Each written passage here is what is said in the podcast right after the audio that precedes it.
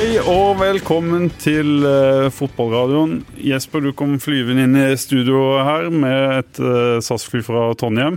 Eh, Ja, videre. Men Videre, ja. de har vel et slags samarbeid med SAS, så da får jeg registrert eh, reisen på min SAS-app, som da gjør at jeg nærmer meg diamantkort på ja, rett under fem måneder. Så det har vært en del reising også i 2019. Nå har det vært veldig mye de siste dagene. Nå skal jeg ha et par dager hjemme, og det ser jeg fram til. Det har jo vært veldig varmt og fint her de siste dagene. I dag var det lommer, så nå tror jeg det er noe torden på vei. Det, ja? Jeg hørte det brakte da jeg kjørte over Lundsbroa på min eh, elsykkel i sted, og det kan bli da en blaut tur hjem. Men vi skal ikke snakke om vær, vind eller sykkel. Vi skal snakke om fotball. Nå er det altfor lenge siden vi har vært i dette studio! Men du er jo aldri i Nei. Kristiansand. Det er helt korrekt. Spania, England, landslaget, Rosenborg, Norge, Eliteserien, Fotballsøndag. Det er mye på deg nå. TV 2 har kjøpt altfor mye rettigheter, eh, men eh, har ikke henta inn så veldig mange nye folk. Så det blir litt mer å gjøre på oss som er der fra før. Så nå jobber vi på til vi eh, ikke klarer mer. Og så blir vi båret ut på ei båre, og så kommer det inn en ny mann. Nei da. Vi må prøve å, se om ikke vi kan få dette til så godt som mulig. Og så er det jo samtidig et puslespill hva angår det å få vært så mye hjemme som mulig også. Jeg reiste hjem en tur på mandag ettermiddag. Fikk eh, en kveld hjemme. Nå klødde du deg i huet. Ja, en man, ja, mandag ettermiddag. Og så fløy jeg opp igjen eh, tirsdag klokka syv. Men hvis jeg da kan få noen timer hjemme og bare få hilse på ungene og Trine, så, så gjør jeg det. altså. Ja. Jeg gjør det. Det er bra. Åssen var det i Trondheim i går? Det var eh, enorm stemning på tribunen. Det var Champions League-klasse på, på kjernen, på publikum, på ramma. Eh, Men jeg tror det var godt for Rosenborg sånn rent sportslig at det ble Europaliga. For Champions League hadde vært ekstremt tøft, og spesielt etter den opplevelsen de hadde i Europaligaen i fjor. Nå kommer de da inn igjen etter å ha blitt utspilt i egentlig seks kamper eh, sist sesong. Nå tror jeg de kommer til å hevde seg på en helt annen måte. De ser mye mer solide ut, de spiller med mye mer selvtillit. og De spillerne de har, som ikke var i nærheten av å være på Europaliga-nivå i fjor, de har jo virkelig vist seg fram nå i, i sommer og, og i de siste kampene nå i Europa. Så jeg ser lyst på Rosenborgs uh, tur inn i Europaligaen. Og det som er aller viktigst, er jo at TV 2 har jo alle rettighetene til kampene i Europaligaen. Hadde det blitt Champions League, så hadde det blitt sånn at man måtte delt det 50-50 med Viasat, og i tillegg måtte kampene blitt da sendt på hovedkanalen. Så sånn rent økonomisk for TV 2, så var det vel greit at det ble Europaliga. dere satt og Nei, vi var, altså Det er det som er gøy når du kommenterer norske lag i Europa, for da skal det jo være liksom patriotisk. Så i går var det på med ikke Rosenborg-sjefen, men det var ikke langt unna, og prøvde liksom da å, å kommentere med entusiasme. og Det levde jo lenge, da. 1-0, frispark til Hedenstad. Verdensklasse. Dessverre så gikk det ikke inn. Det traff eh, krysstanga, men jeg var imponert over det Rosenborg viste. Dinamo Zagreb er et eh, godt lag som har eh, vært langt mer i Champions League de siste årene enn det Rosenborg har vært. Så um, positivt for Rosenborg og for norsk fotball. Og så håper jeg nå at vi også da får Molde inn i Europaligaen, for det ville vært morsomt med, med to norske lag i den turneringa også, også i år. Vi, må, eh, vi har med en gjest. Vi har med gjest, heldigvis. Så blir det ikke bare oss to som skal prate. Vi har med en gjest som i sin tid sjarmerte Fotball-Norge med sitt kjære Don. Det var laksko-fotball fra A til Å. Det var lange baller, det var direkte fotball. Samtidig så var det tiki-taka med Vegard Haugland, Harald Haugland, Andreas Henriksen og en hel del andre klassespillere. Dagens gjest, som så ofte før, Jarle Børrestad. Godt å være tilbake. Er det ikke det? Jo. Har du hatt en fin sommer? Vært litt i Spania? Nei, jeg har vært i Kristiansand, på Lund, eh, stort sett hele sommeren. Det er det beste stedet å være på sommeren. Ja, ja, hele året, egentlig. Ja. Så Har du landa etter Liverpools eh, triumf i Champions League? ja, Fornøyd med seriestarten? det var en lettelse, det. Det var Ja, mer en lettelse. Det var mer en lettelse. Var- Selve finalen? Ja, ja resultatet. Ja. Ja, ja, jeg husker jo ikke et sekund av kampen. Nei. Nei, men, men eh, det var jo Det snakka jo rett over før finalen nå, at det var den måtte de bare vinne. Kunne ikke tape mot Tottenham i finalen. Det har ikke kjangs. Seriestarten er OK. Jeg har dessverre ikke tatt med Pukki fra første runde i Fantasy. Så, så jeg ligger jo elendig an der allerede. Wildcard nå, og rett inn med han. Akkurat. Så eh, nei, jeg følger med på fotball i alle mulige varianter. Gjør det. Ja.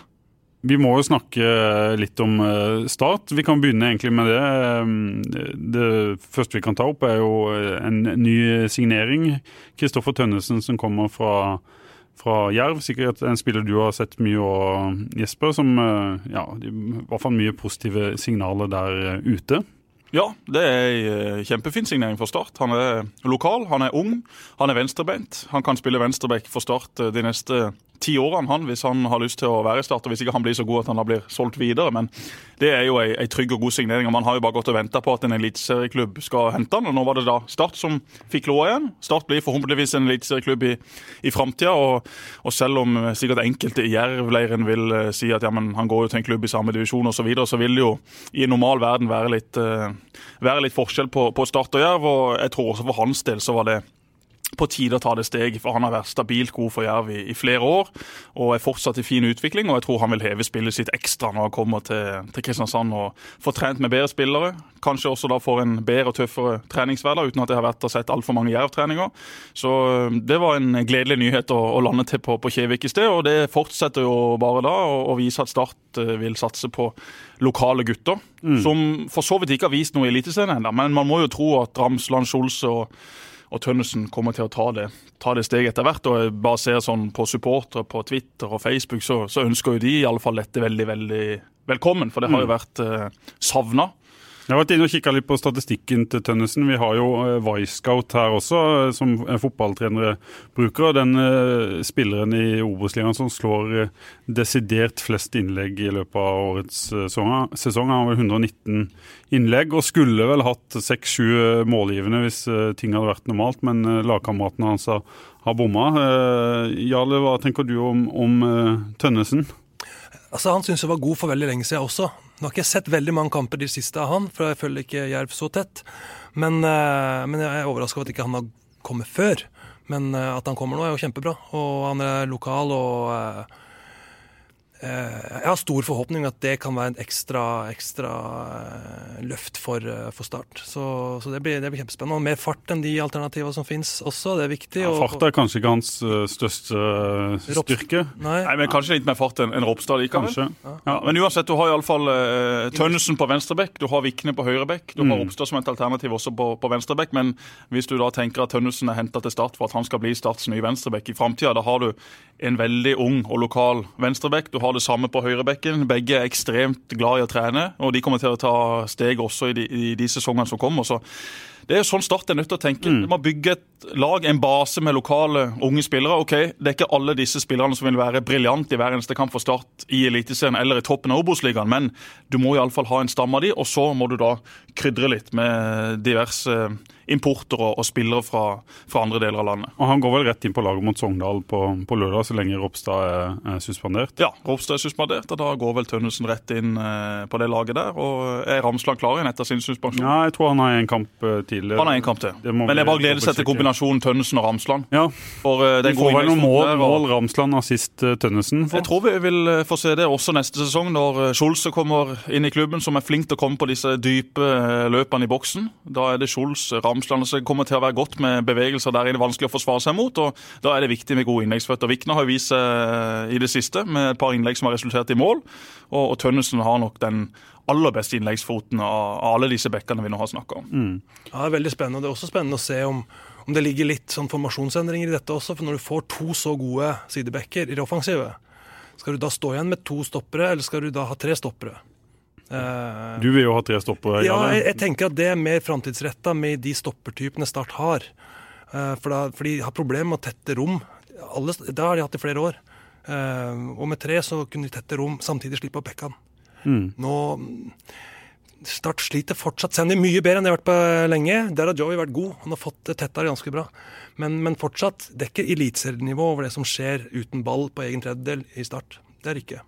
Du var jo kritisk før eh, sesongen. Start rykker ikke opp, eh, sa du. Hva er statusrapporten din på, på klubben eh, nå? Eh, som jeg vel også sa i mai, at det Joey hadde begynt med, det så jeg allerede var i ferd med å finne noe i gruppa. Eh, spesielt offensivt, med, med trygghet, selvtillit. Eh, Vikne begynte å se ut som han gjorde for et år tilbake igjen. Og han har bare fortsatt, dette har fortsatt gjennom sommeren. Så eh, og pga. at Sandefjord har sliter big time for tida, så, så, er det jo på direkte opprykk per i dag. Men så big time har jo ikke Sandefjord uh, slitt heller. Poengsnittet til Sandefjord er jo egentlig veldig bra, men Start har jo nå ni kamper uten tap. Sju seire og to uh, uavgjorte. Ja, men Sandefjord snubler mye. Ja, Eh, De de er nære på å snuble enda mer. Ja, ja. Det er mye knepne seire. Mange kamper hvor de sliter spillemessig, og så har de fått med seg De har vel bare tapt én av de siste ni, også Sandefjord. Og så har de et par eh, De har vel to uavgjort og mer enn en, en Start, så de har ikke avgitt så mye poeng. Men De det slo vel, Raufoss 1-0 her ja. for to runder siden. og Da var det jo dette skuddet fra, fra død vinkel som lurte seg inn via keeper og i mål. Og, og De har hatt en del av de seirene. De kommer til å leve vei, hele veien inn, tror jeg. Men eh, Start har jo på mange måter momentum. Det synes jeg. Start har sett ut som det beste laget. Av de to Sandefjord hadde jo sånn sett kanskje fortjent å vinne med tanke på at de hadde dette straffesparket helt mot slutten i, i oppgjøret mellom Sandefjord og Start. Men, eh, men Start eh, har Slitt litt de to siste kampene av Start, selv om de har tatt fire poeng mot Absolutt, Skeid og- men, men det, det å reise til Raufoss da, og vinne etter å ha hatt en, en ganske grei nedtur mot Skeid, det Mm. synes jeg var imponerende. For Raufoss ja. har jo imponert.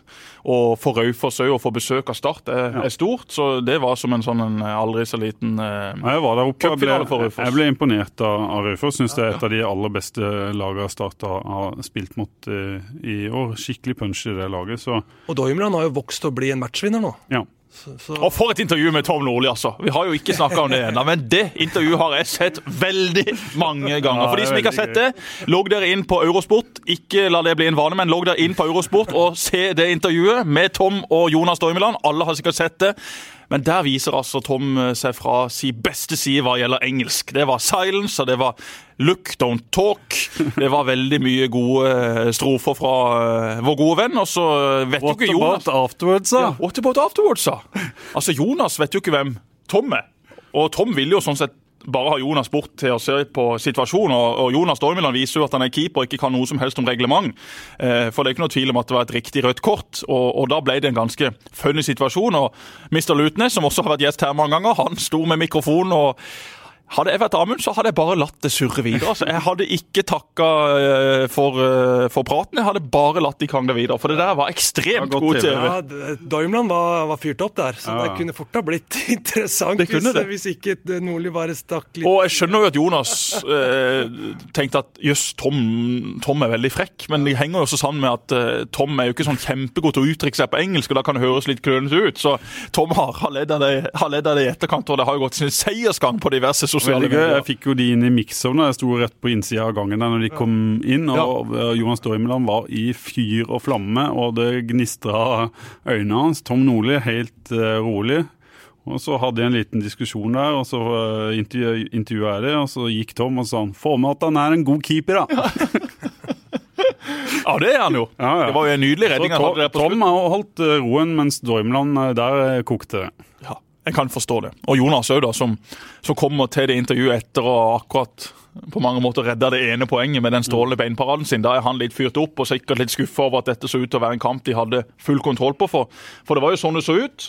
Men så ble det kun ett poeng mot Skeid. eh, Men leveransen i etterkant det var tre poeng til begge lag. Hvordan ser du Start nå, eh, Jesper? Er du overraska over at de har, vært så stabilt når det gjelder i hvert fall poengfangst? Og det har jo ja, de det bunnivået de hadde tidligere i år, ser ut til å være borte. Jeg er overraska over at de har vært så stabilt gode etter å ha sett kampen mot Notodden, f.eks., mm. på hjemmebane. Som jeg da sjøl satt på tribunen og fikk eh, æren av å bivåne. Det var eh, pinlig å se Start fremstå på den måten. og Da var det jo ingenting som tyda på at dette laget skulle opp og ta igjen Sandefjord, komme seg forbi de. I alle fall ikke allerede nå. Så det at Start nå ligger foran eh, Sandefjord med en tredjedel av sesongen igjen, det syns jeg faktisk er utrolig imponerende. Og det skal spillerne og Joey og resten av klubben har all mulig kred for. For eh, jeg vet sjøl åssen det er å liksom henge litt etter. Enten du kjemper om å holde deg i divisjonen eller du kjemper om et opprykk. Da har du press på deg hver eneste kamp, og da er det også fort gjort å, å begynne å tape enda mer poeng og bare tenke at OK, dette var ikke, dette var ikke vår sesong. Og det tror jeg nok en del folk på tribunen begynte å tenke. Den luka opp, den er for stor. Ålesund de har stukket av. Sandefjord er stabilt gode. De har en spennende trener som har vært god i Sandefjord. De har god bredde i stallen. De har Pontus Engblom som kommer til å skåre de avgjørende målene. Men så har da Start virkelig heva seg. og som Jeg sier, jeg hadde ikke forventa det da jeg satt og så Notod, men jeg hadde jo forventa dette før sesongen. For spillerstallen til Start er jo i mine øyne den beste stallen i divisjonen. De har brukt mye penger på å sette den sammen. Nå har de rutinerte karer, de har en del lokale karer, og, og sammen har dette her begynt å spille. Så Nå tror jeg hardt på at Start kommer til å, å rykke direkte opp, men eh, Geir Ludvig Fevang og co. i Sandefjord eh, blir ikke noe enkel match å, å, holde bak seg denne sesongen. Men de, de ser ut, altså det som dere begge sier, de har momentum. Ja. Og, de, og, det er typisk når de får ett poeng mot Sandefjord, som, som, eh, jo er heldig, og det er jo en sekspoengskamp, så er det sånn tegn på at dette kommer til å gå. Mm. For det er jo typisk de laga som får disse ufortjente poengene og som fortsetter å tro på sine ting og eh, har positiv utvikling, det er de som kommer til å vinne til slutt. Presset blir større på Sandefjord nå. De har gitt fra seg noe. Mm. De har tapt uheldig mot poeng mot start uh, og vært dårlige i andre kamper. Så Ja, Det var det jeg frykta etter ett poeng mot Skeid, Sandefjord forbi, og så den ekle bortekampen mot Raufoss. Ja. OK, da, et nytt poengtap der, og Sandefjord sier borte mot Nesotra, så hadde plutselig den luka vært Fire. Fire poeng. ikke sant? Og da, da, hadde det, da, hadde det, begynt å, å blitt litt høye skuldre igjen i startleiren. For det er veldig sånn kjedelig når du da har jobba deg opp igjen i hovedfeltet, du har lagt deg i front, ja. og så kommer det en ny velt, og så ligger du igjen bak. Og mm. da er det tungt å, å, komme seg opp igjen. Så ekstremt viktig at uh, Start slo Raufoss. Og det var jo rimelig ampert også på banen. Det var noen situasjoner der. Du var jo oppe og så kampen, jeg så han bare på en sånn halvdårlig skjerm, så, mm. så jeg fikk ikke sett alle situasjoner. Men var dommeren så dårlig som Raufoss skulle ha det til? Han var vil du ha VAR inn i Obos-ligaen? Nei, jeg tror ikke han gjorde så mye feil. Han, eh, eh, det er mulig Raufoss skulle hatt en, en, straffe da eh, Isaac Thom felte han Fandi, som var igjennom der. Utfordringen til han dommeren som jeg ser i den kampen, var jo at han blåste for alt mulig til begge lag. Så hele andre omgang var jo bare dødballer. Og han lot aldri fordelen gå da han kunne latt den gå. Så det ble en veldig oppstykka kamp og egentlig ganske mange tøffe og harde dueller, men ikke noe veldig stygt spill. Start pådro seg noen sånne professional fouls mot slutten og noen, noen gule kort med holding for å stoppe angrep. Så det var på, på, en måte greit. Det er sånne ting du gjør mot slutten av en kamp når du skal forsvare en en trepoenger, men han blåste altfor mye i løpet av er noen dommere som du tror kampen. får provisjon hver gang de blåser. Ja, ja, det var helt... Og Den type dommere er ikke veldig gøy å, å, å se på. Nei. Da blir det oppstykker, og da blir det ikke noe rytme eller flyt i spillet. Men blir dommerne fanga av egen dårlig start? Altså Hvis de begynner å blåse et par ganger som ah, burde ha latt det gå, må de da fortsette for å holde linja, eller men, bør de endre? Men se, Hvis du ser den kampen mellom eh, Rosenborg og Dinamo Zagreb i går, der er det tydelig at dommeren legger seg på en eh, ganske eh, Eller en linje der han lar mye gå. Selv om det er harde dueller og sånne ting. Og det blir jo vanvittig bra flyt, særlig i den mm. første omgang. Hadde det vært dommeren fra Raufoss, så hadde det vært frispark der hele veien. Og da, da blir det jo mye kjedeligere å se på. Ja, det syns jeg var en god dommer på ja. Lerkendal i går. Ja. Han hadde kontroll. Ja, så var det mye dueller. Ja, det var, var mye, ja, og, og Rosenborgs aggressive press fikk lov å gå av dommeren. Det hadde ikke fått gå i, i Raufoss. Da ble avblåst hver gang omtrent i en liten dytt i ryggen eller en liten arm oppå en, en uh, skulder. Det syns jeg er egentlig et svakhetstegn uh, hos mange av dommerne i Obos-ligaen. At det blåses altfor mye. Noen kamper blåser i stykker. Det syns jeg vi har sett på Sør Arena òg. Eh, noen eh, ganger. Og Det kan jo hende at det ikke favoriserer Start, som, som eh, nå har begynt å få et veldig aggressivt press. da. Det er riktig. Men hva i all verden skjer med Start 2, som altså har tapt mot MK to ganger denne sesongen. Men og på MK har sett det i alle år, Jesper, at uh, selv om det ser ut som de har et bra lag på papiret, så det å spille Start to-kamper, det, det, funker på et uh, vis ikke? Ja, Det kan godt være at det har vært sånn i, i alle år, men det var iallfall ikke sånn i de årene jeg var der. For Nei. da uh, var det kjempestas å møte lag som MK. Vi møtte jo også MK2 i en del sesonger da MK og Start var i samme divisjon. Men når du da ser på MK-laget, altså Tor Olve Fagnastøl, en strålende kar med en fin karriere og en god fotballspiller, men han la opp i 2000 2011. 2011, det er åtte år siden, siden 35-årige Tor Olve Fagnis la skoene på hylla. De måtte jo gjøre et bytte vel eh, midtveis i første omgang, der eh, Stein Ove Abrahamsen kommer inn. Han er vel enda eldre? Stein Ove Abrahamsen, en strålende venstreback i sin tid. Han så jeg på Dana Cup i sommer, hvor han da leda et av sine lag fremover i turneringa. Men at han og da Fagnastøl, Inge Nilsen Eh, altså, Det var jo flere gamle helter i dette her MK-laget. De er jo snart 50. De er snart 50 år gamle, og de slo Start 6-0 i Parken. Og de slo Start 4-2 her tidligere i uka. 10-2. 10-2 sammenlagt mot pensjonistpartiet fra Mandal. Og det er ganske sjokkerende å sitte og se på. Jeg har ikke sett kampene, så skal jeg være forsiktig med å uttale meg altfor hardt. Eh, men det er jo ikke alltid jeg er så forsiktig med det allikevel. Og for meg, som da ser lagoppstillinga, hva gjelder? Det er unge, lokale spillere som skal være de neste som skal slå seg inn på et A-lag. Og det er da en del A-spillere som kommer ned og skal få seg matchtrening og vise seg fram for å få mer spilletid på A-laget. Mm. Det laget der, ja, vi har sett det i en del kamper opp gjennom årene at uh, også kamper mot Don i gamle dager, hvor Start kom med veldig sterke lag, og så tapte man mot Don.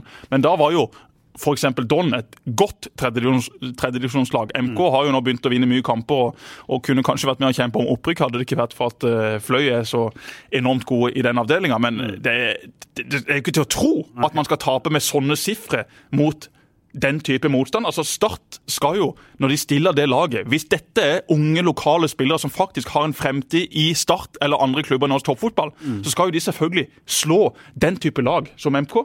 Hvor mye har det å si at du ikke på en måte spiller sammen på daglig basis? At du ikke trener sammen? At det setter sammen spillere fra et A-lag? Og... Ja, jeg antar de har en rød tråd gjennom eh, det som skjer på, på eh, A-laget og, og, Start 2. Sånn at det er ting som er gjenkjennbart. Og så hentes jo ned-spillere, så, så det, skal, det skal ikke være noe problem.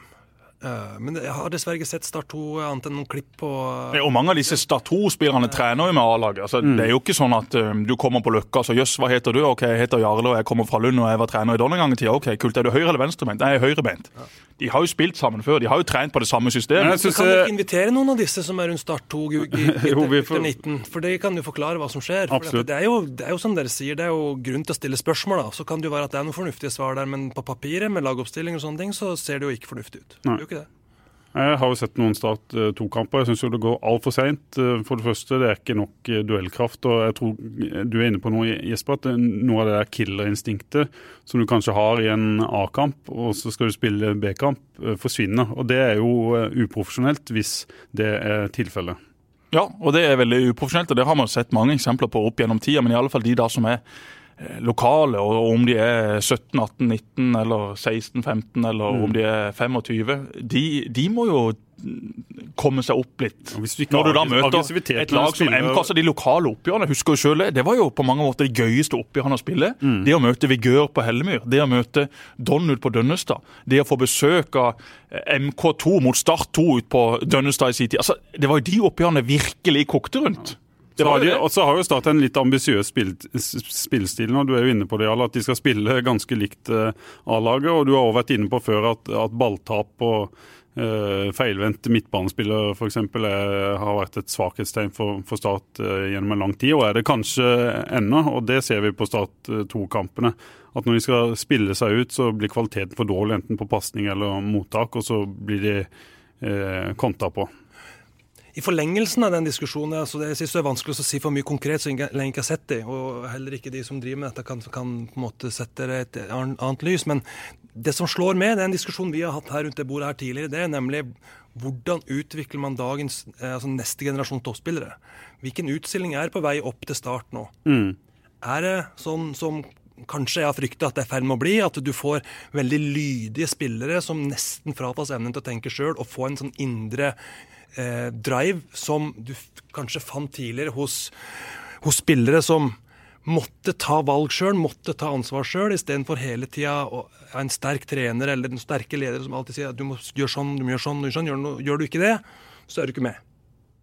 Og da smører du kanskje opp til å få spillere som ikke evner å se matchen som sådan, og så gå inn der og se hva, gutter, kom an nå. Mm. Det, altså Uansett om, om, vi gjør sånn eller sånn, vi skal ikke tape mot Mandal. Mm. Det er ikke akseptabelt. sant? Kanskje det betyr at eh, han må vi eh, takle stygt. Mm. Vi må slå lange pasninger til å begynne med her, fordi at den, han som surrer rundt på midten her og løper beina av oss, han skal ikke ha presset, han. Altså Sånne ting som er in the moment. Mm. De spillerne, de fins de lenger. Jeg stiller spørsmål, jeg har ikke svar på det, men jeg mistenker at vi blir for flinke som trenere, som ledere, og så begynner vi også da å skille ut babyen med badevannet. Det er jeg redd for.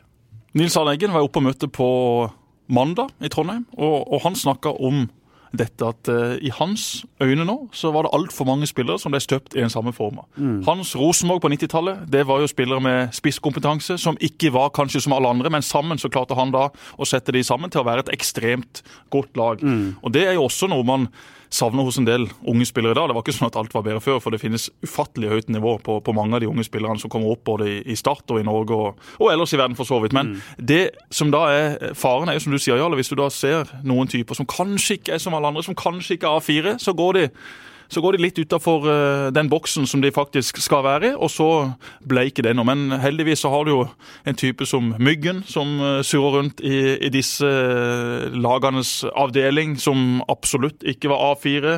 Du har Atle Roar Haaland òg, som slo igjennom veldig seint i sin karriere, og som på mange måter også kan fortelle spillere at ja, men hei, selv om ikke du er best når du er 17, 18 eller 19, mm. så er det ikke sånn at du må gi opp. Her må du bare fortsette å stå i det. Og holdt han fra MK, som ikke har, som ikke har sett uh, spille spiss det siste året. Så et fantastisk mål mot uh, Start 2. Høy, ja, høy som, som, har imponert uh, veldig i tredjedivisjon. Gått sin egen uh, vei. Som har gått sin egen vei. Og Det er jo den type spillere som, som det har vært en del av opp gjennom årene, og som det garantert kommer til å være også, også i fremtida. Da er jo kunsten å, å, få det inn på det riktige tidspunktet, og så er det jo enorm forskjell fra å skåre mål i tredjedivisjon og skåre mål i toppen av Obos eller i Eliteserien. Det må jo også folk være klar over. Det er Mange som vil ha holdt han til Start. og så er jo spørsmålet da, Hvis Start har eh, veldig tro på Christian Lien, som er 17 år, så skyver de han lenger ned i i systemet, så er jo noe en må tenke på det òg, hvis en har tro på egne talenter. At en ikke henter kanskje unge, talentfulle spillere i, i, den posisjonen.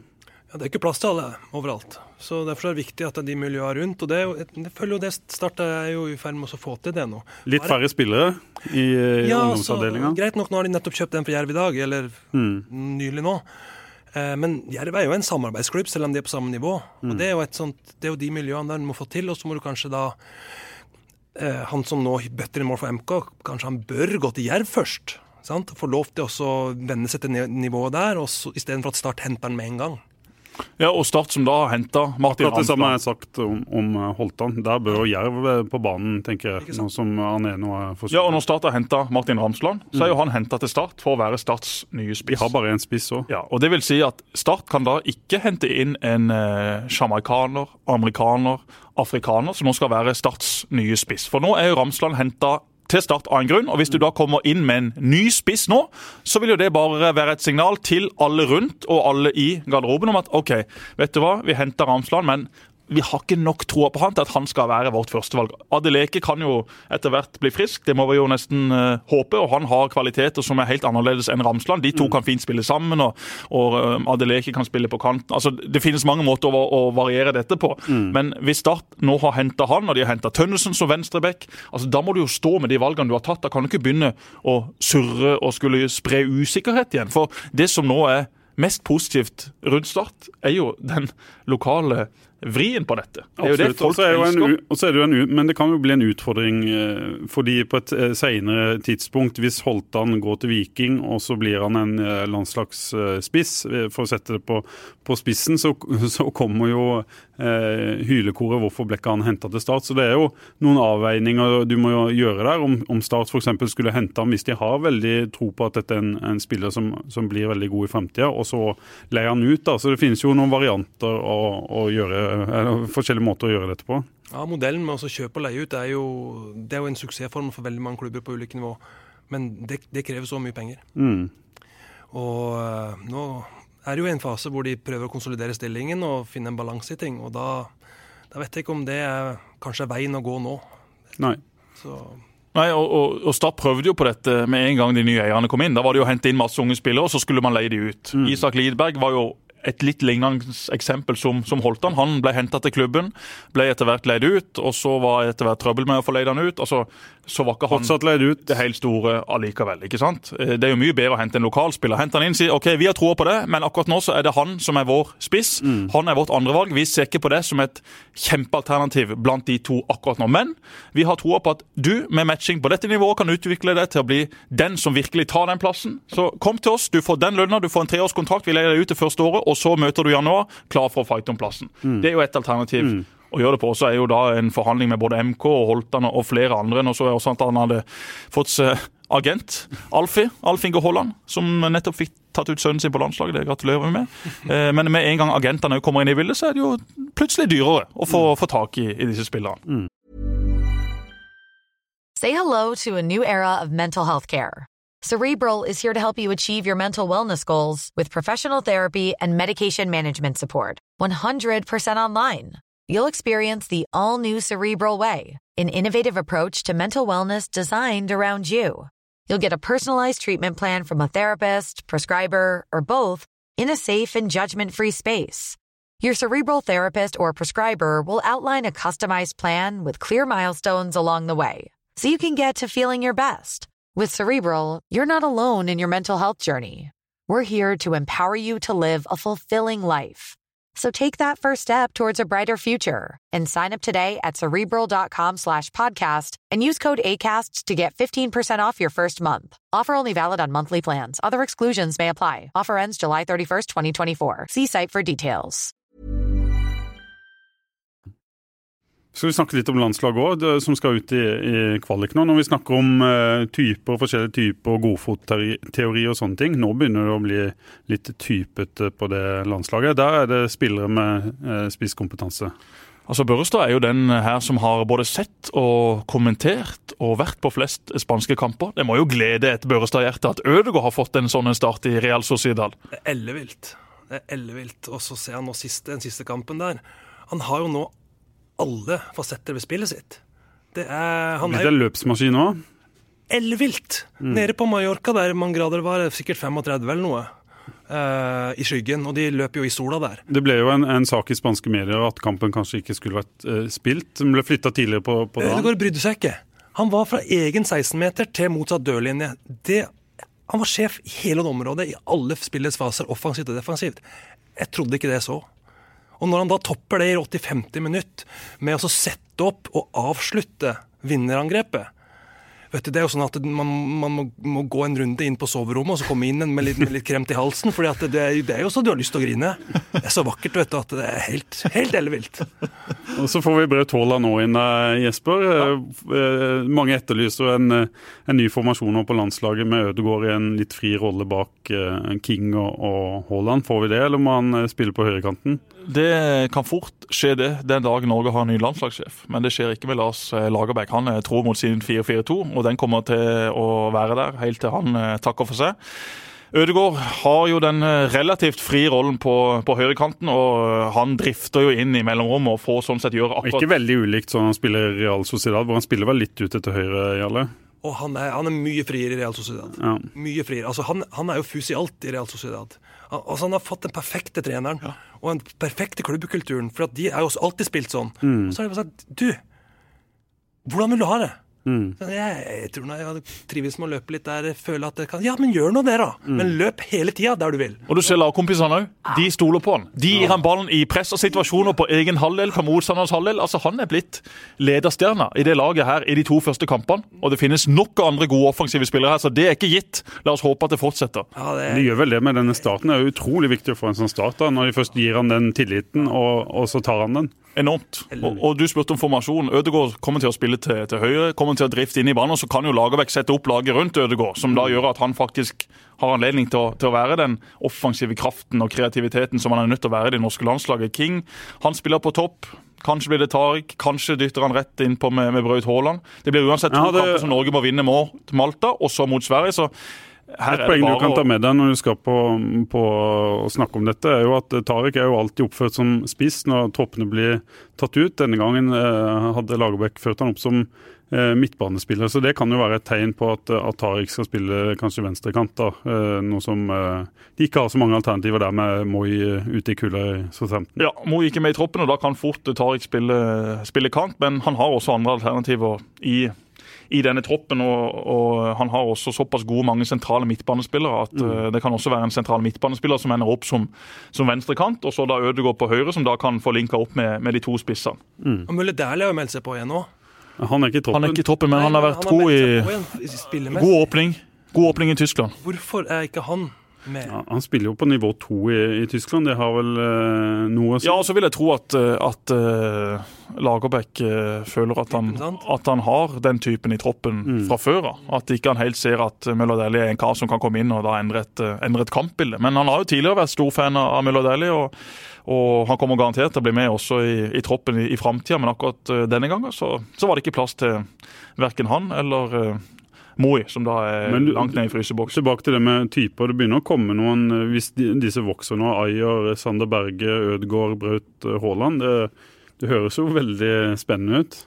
Men hvordan de spiller under Lagerbäck, hvor mye har det å si? Jesper, du følger disse tett nok. Hvor mye har det å si at de ikke spiller sånn som de spiller i klubbene sine, verken Ødegaard eller Berge eller Men gikk i Lagerbäck litt Er ikke det et, eh, et rykte han har fått litt ufortjent? At han ikke gir de frihet offensivt, f.eks.? Får de ikke ganske mye frihet offensivt til å, å, å utfolde seg? Jo da. Defensivt er det jo knallhardt. Defensivt er det strengt, og de blir jo hjernevaska både defensivt og offensivt for hvordan de skal opptre. Men han har jo samtidig typene i laget sitt som, som liker å, å gjøre det litt sånn på, på gefühlen, som liker å velge litt uh, der og da. Har de lov til det? Ja, det syns jeg. Samtidig så, så ser du at spillerne tror på det opplegget som, som han har prenta inn i det laget. Altså Joshua King har jo de siste årene utvikla seg veldig i den defensive delen av, av spissrollen. Jobber ekstremt hardt. Han har jo vært uh, kanskje den beste spilleren for Lagerbäck etter at Lagerbäck tok over. Og Før Lagerbäck kom inn, så var det jo ofte spørsmål skal King starte. Uh, han var til og med utelatt fra noen tropper eh, under Per-Mathias Høgmo. Da var han riktignok ikke på det nivået han er nå, men allikevel. altså, King er jo en av de som virkelig har tatt opp hansken og gått foran i kamp etter kamp. På midtbanen så, så er det jo Berge, det er Selnes, du har Henriksen nå som, som ikke har uh, fått mye spilletid i det siste. Henriksen har jo vært også en av de mest stabile og en, uh, en av de som han virkelig har stolt på.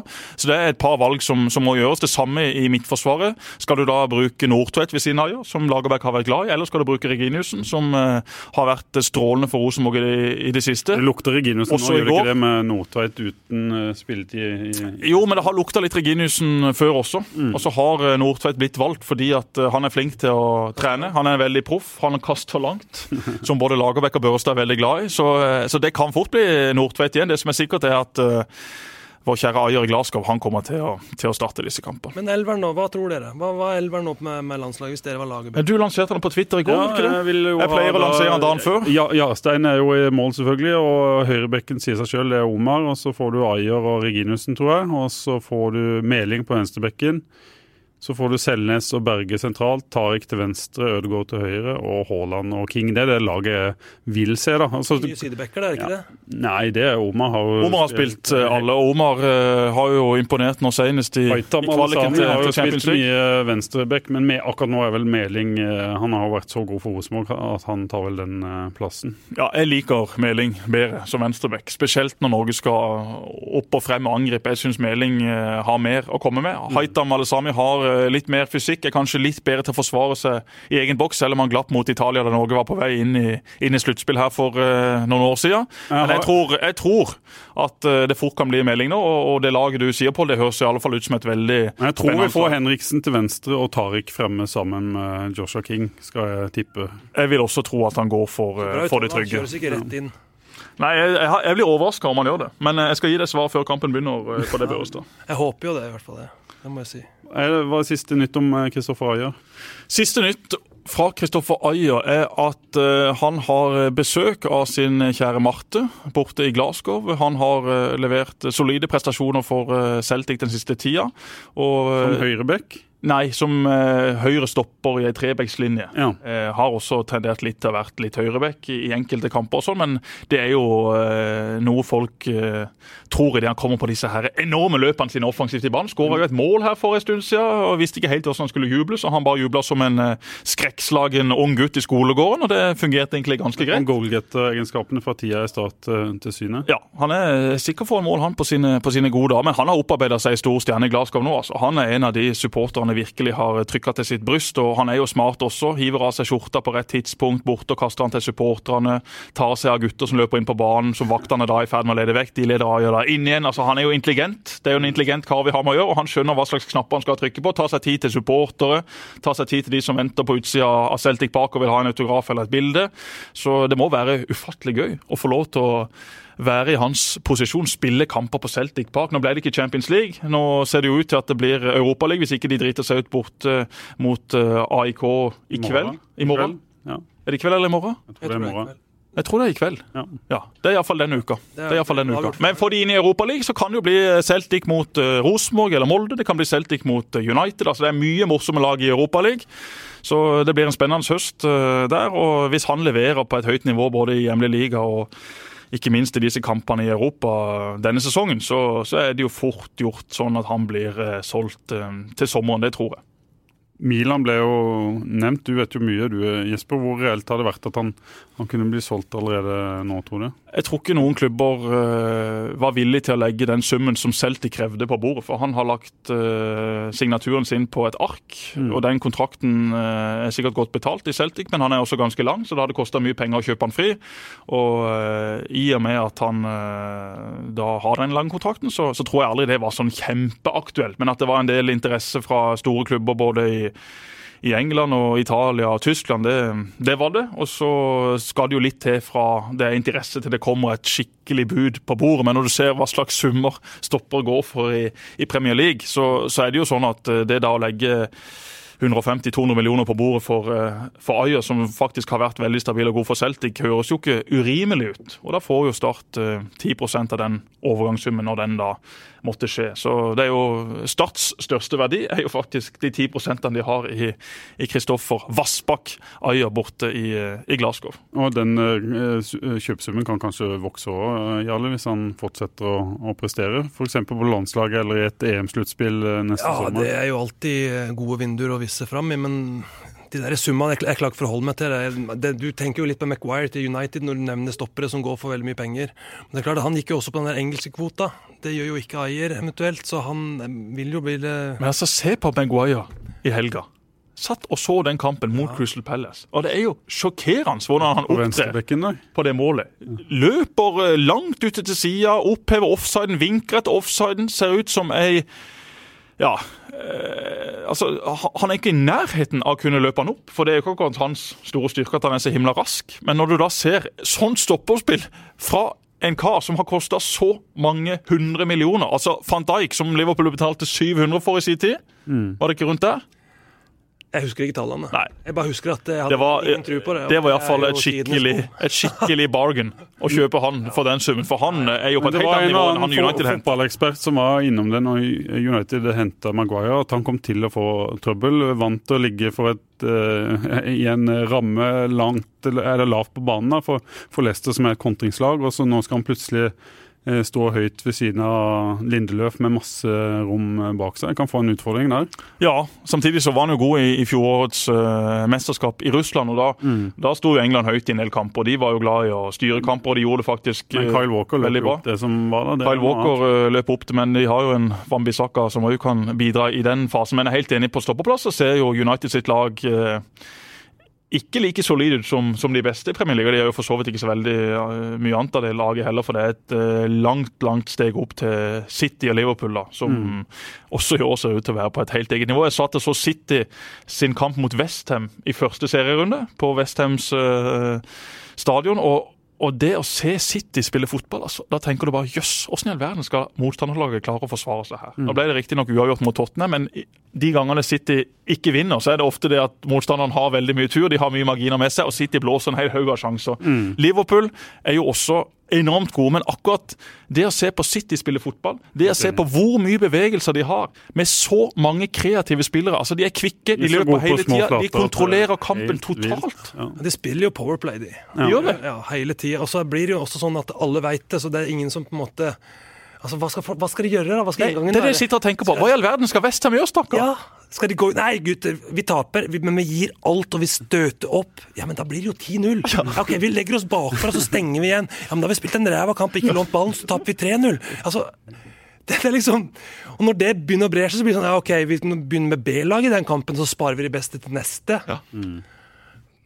Og det, og det, har jo vært litt skriveri også i engelske medier og, og, og litt kritikk mot City at de rett og slett er blitt for gode. Det er blitt for kjedelig å se City spille kamper.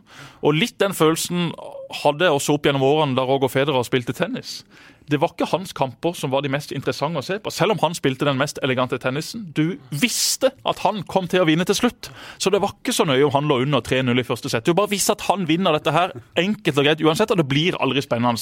Sånn er det også i mange av City sine kamper. Du vet at ok, de kommer til å male de syke, de kommer til å få ett mål, to mål, og så skårer Stirling de tredje, og så var det tre poeng og god natt. Og så i dag. Det er jo Liverpool som kanskje kan klare å henge med de sånn, sånn tålig, men jeg var imponert over at Liverpool klarte å henge med de som de gjorde sist sesong. For det City-laget der, altså, det må jo være Hva tror du om ditt Liverpool, Jarle? Har de kapasitet til å henge med? Ja, Men City er jo det spørsmålet, det er jo de det står mellom. Eh, Jeg tror jo ikke bredden ennå i troppen er god nok til det. At det vil, det, de vil ikke være så heldige som de var gjennom sesongen i fjor. For Liverpool var heldige. Det er ikke noe tvil om det. Selv om de var gode, så var de også heldige. Eh, Det er jo det er jo farlig å sitte og prate om eget lag, men, eh, men, men det er jo City er soleklare favoritter. Så, så, så enkelt der. Men de kan også snuble, så da kan det jo fort bli disse internoppgjørene. Mm. Og i fjor så var jo det ett poeng til Liverpool. Mm. Og det var jo Avgjørende. Av, ja, altså da har du den her mållinjeteknologien som ser at den ballen mangler mange millimeter vare. Mm. Så, så istedenfor å gå opp 1-0 der, så taper de vel den matchen. Det er vel så, Altså, detaljene der. Tar de seks poeng mot City, hjemme og borte, så, så tror jeg sjansen er 55-45 til Liverpool til å ta det. Men hvis ikke, så, så, så går det ikke. Det gjør ikke det, dessverre. Er det noe mer vi må snakke om, eh, Jesper? Det er en ting jeg lurte på. Ja. Horneland. ja. Du har jo vært ute og sagt at eh, OK, jeg tok eh, feil, og når du, eh, du vil ha endringer på, på Lerkendal. Når du møter Horneland sånn som i går, hvordan er tonen mellom dere? Den er veldig grei. Han forstår vel at jeg har en, en jobb og en rolle hvor jeg må mene ting. Hvor jeg må også mene ting litt hardere enn jeg kanskje vil. Han var, han var jo ikke skråsikker sjøl heller, kanskje. på Nei, altså, han var, og, det, og det er jo Jeg har ikke snakka med Hornland direkte underveis i, i, denne prosessen, og da det hagla eh, med kritikk.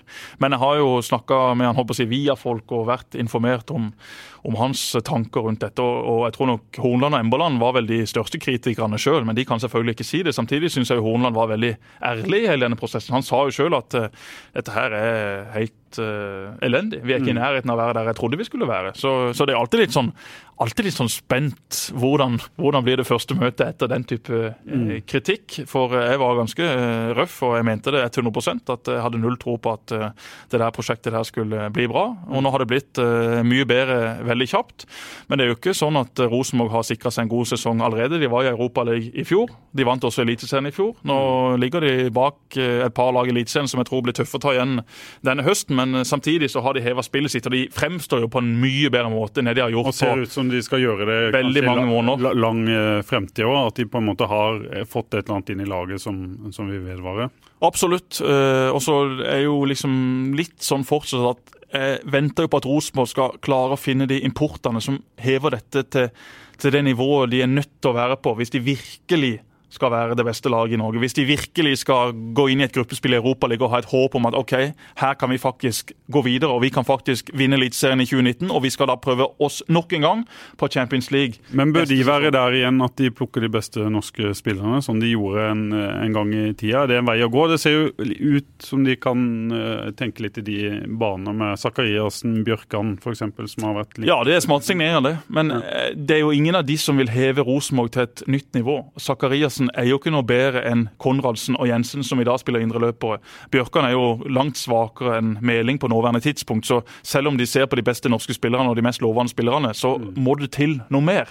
Og Det kan godt være at det har blitt ekstremt mye vanskeligere i og med at det er mye mer penger ute i Europa. og Det å gå til Danmark eller Belgia eller eh, Russland eller hva det måtte være, det er mye mer lukrativt. og Rosenborg sier det sjøl også. Problemet er jo ikke overgangssummen isolert sett, for den kan vi forsvare. Vi kan forsvare å betale 10-15-20 millioner for en spiller, for såpass med penger har vi. Men problemet blir når lønnskostnaden kommer. Når det da kommer en spiller som blir henta for disse summene, så kan jo ikke de plutselig OK, vi lønner det ja, si eh, fem millioner i året. Og så sitter da Reginiussen, Jensen, Hansen og tjener jeg vet ikke hva de tjener, men si de da tjener halvparten. Da blir det noe feil i garderoben, og da har du skapt et problem også for de årene som kommer. Bentner var jo et sånn et spesialtilfelle som jeg tror alle spillerne forsto. OK, fett, vi får Niklas Bentner. Jeg skjønner at han må ha en litt spesiell deal.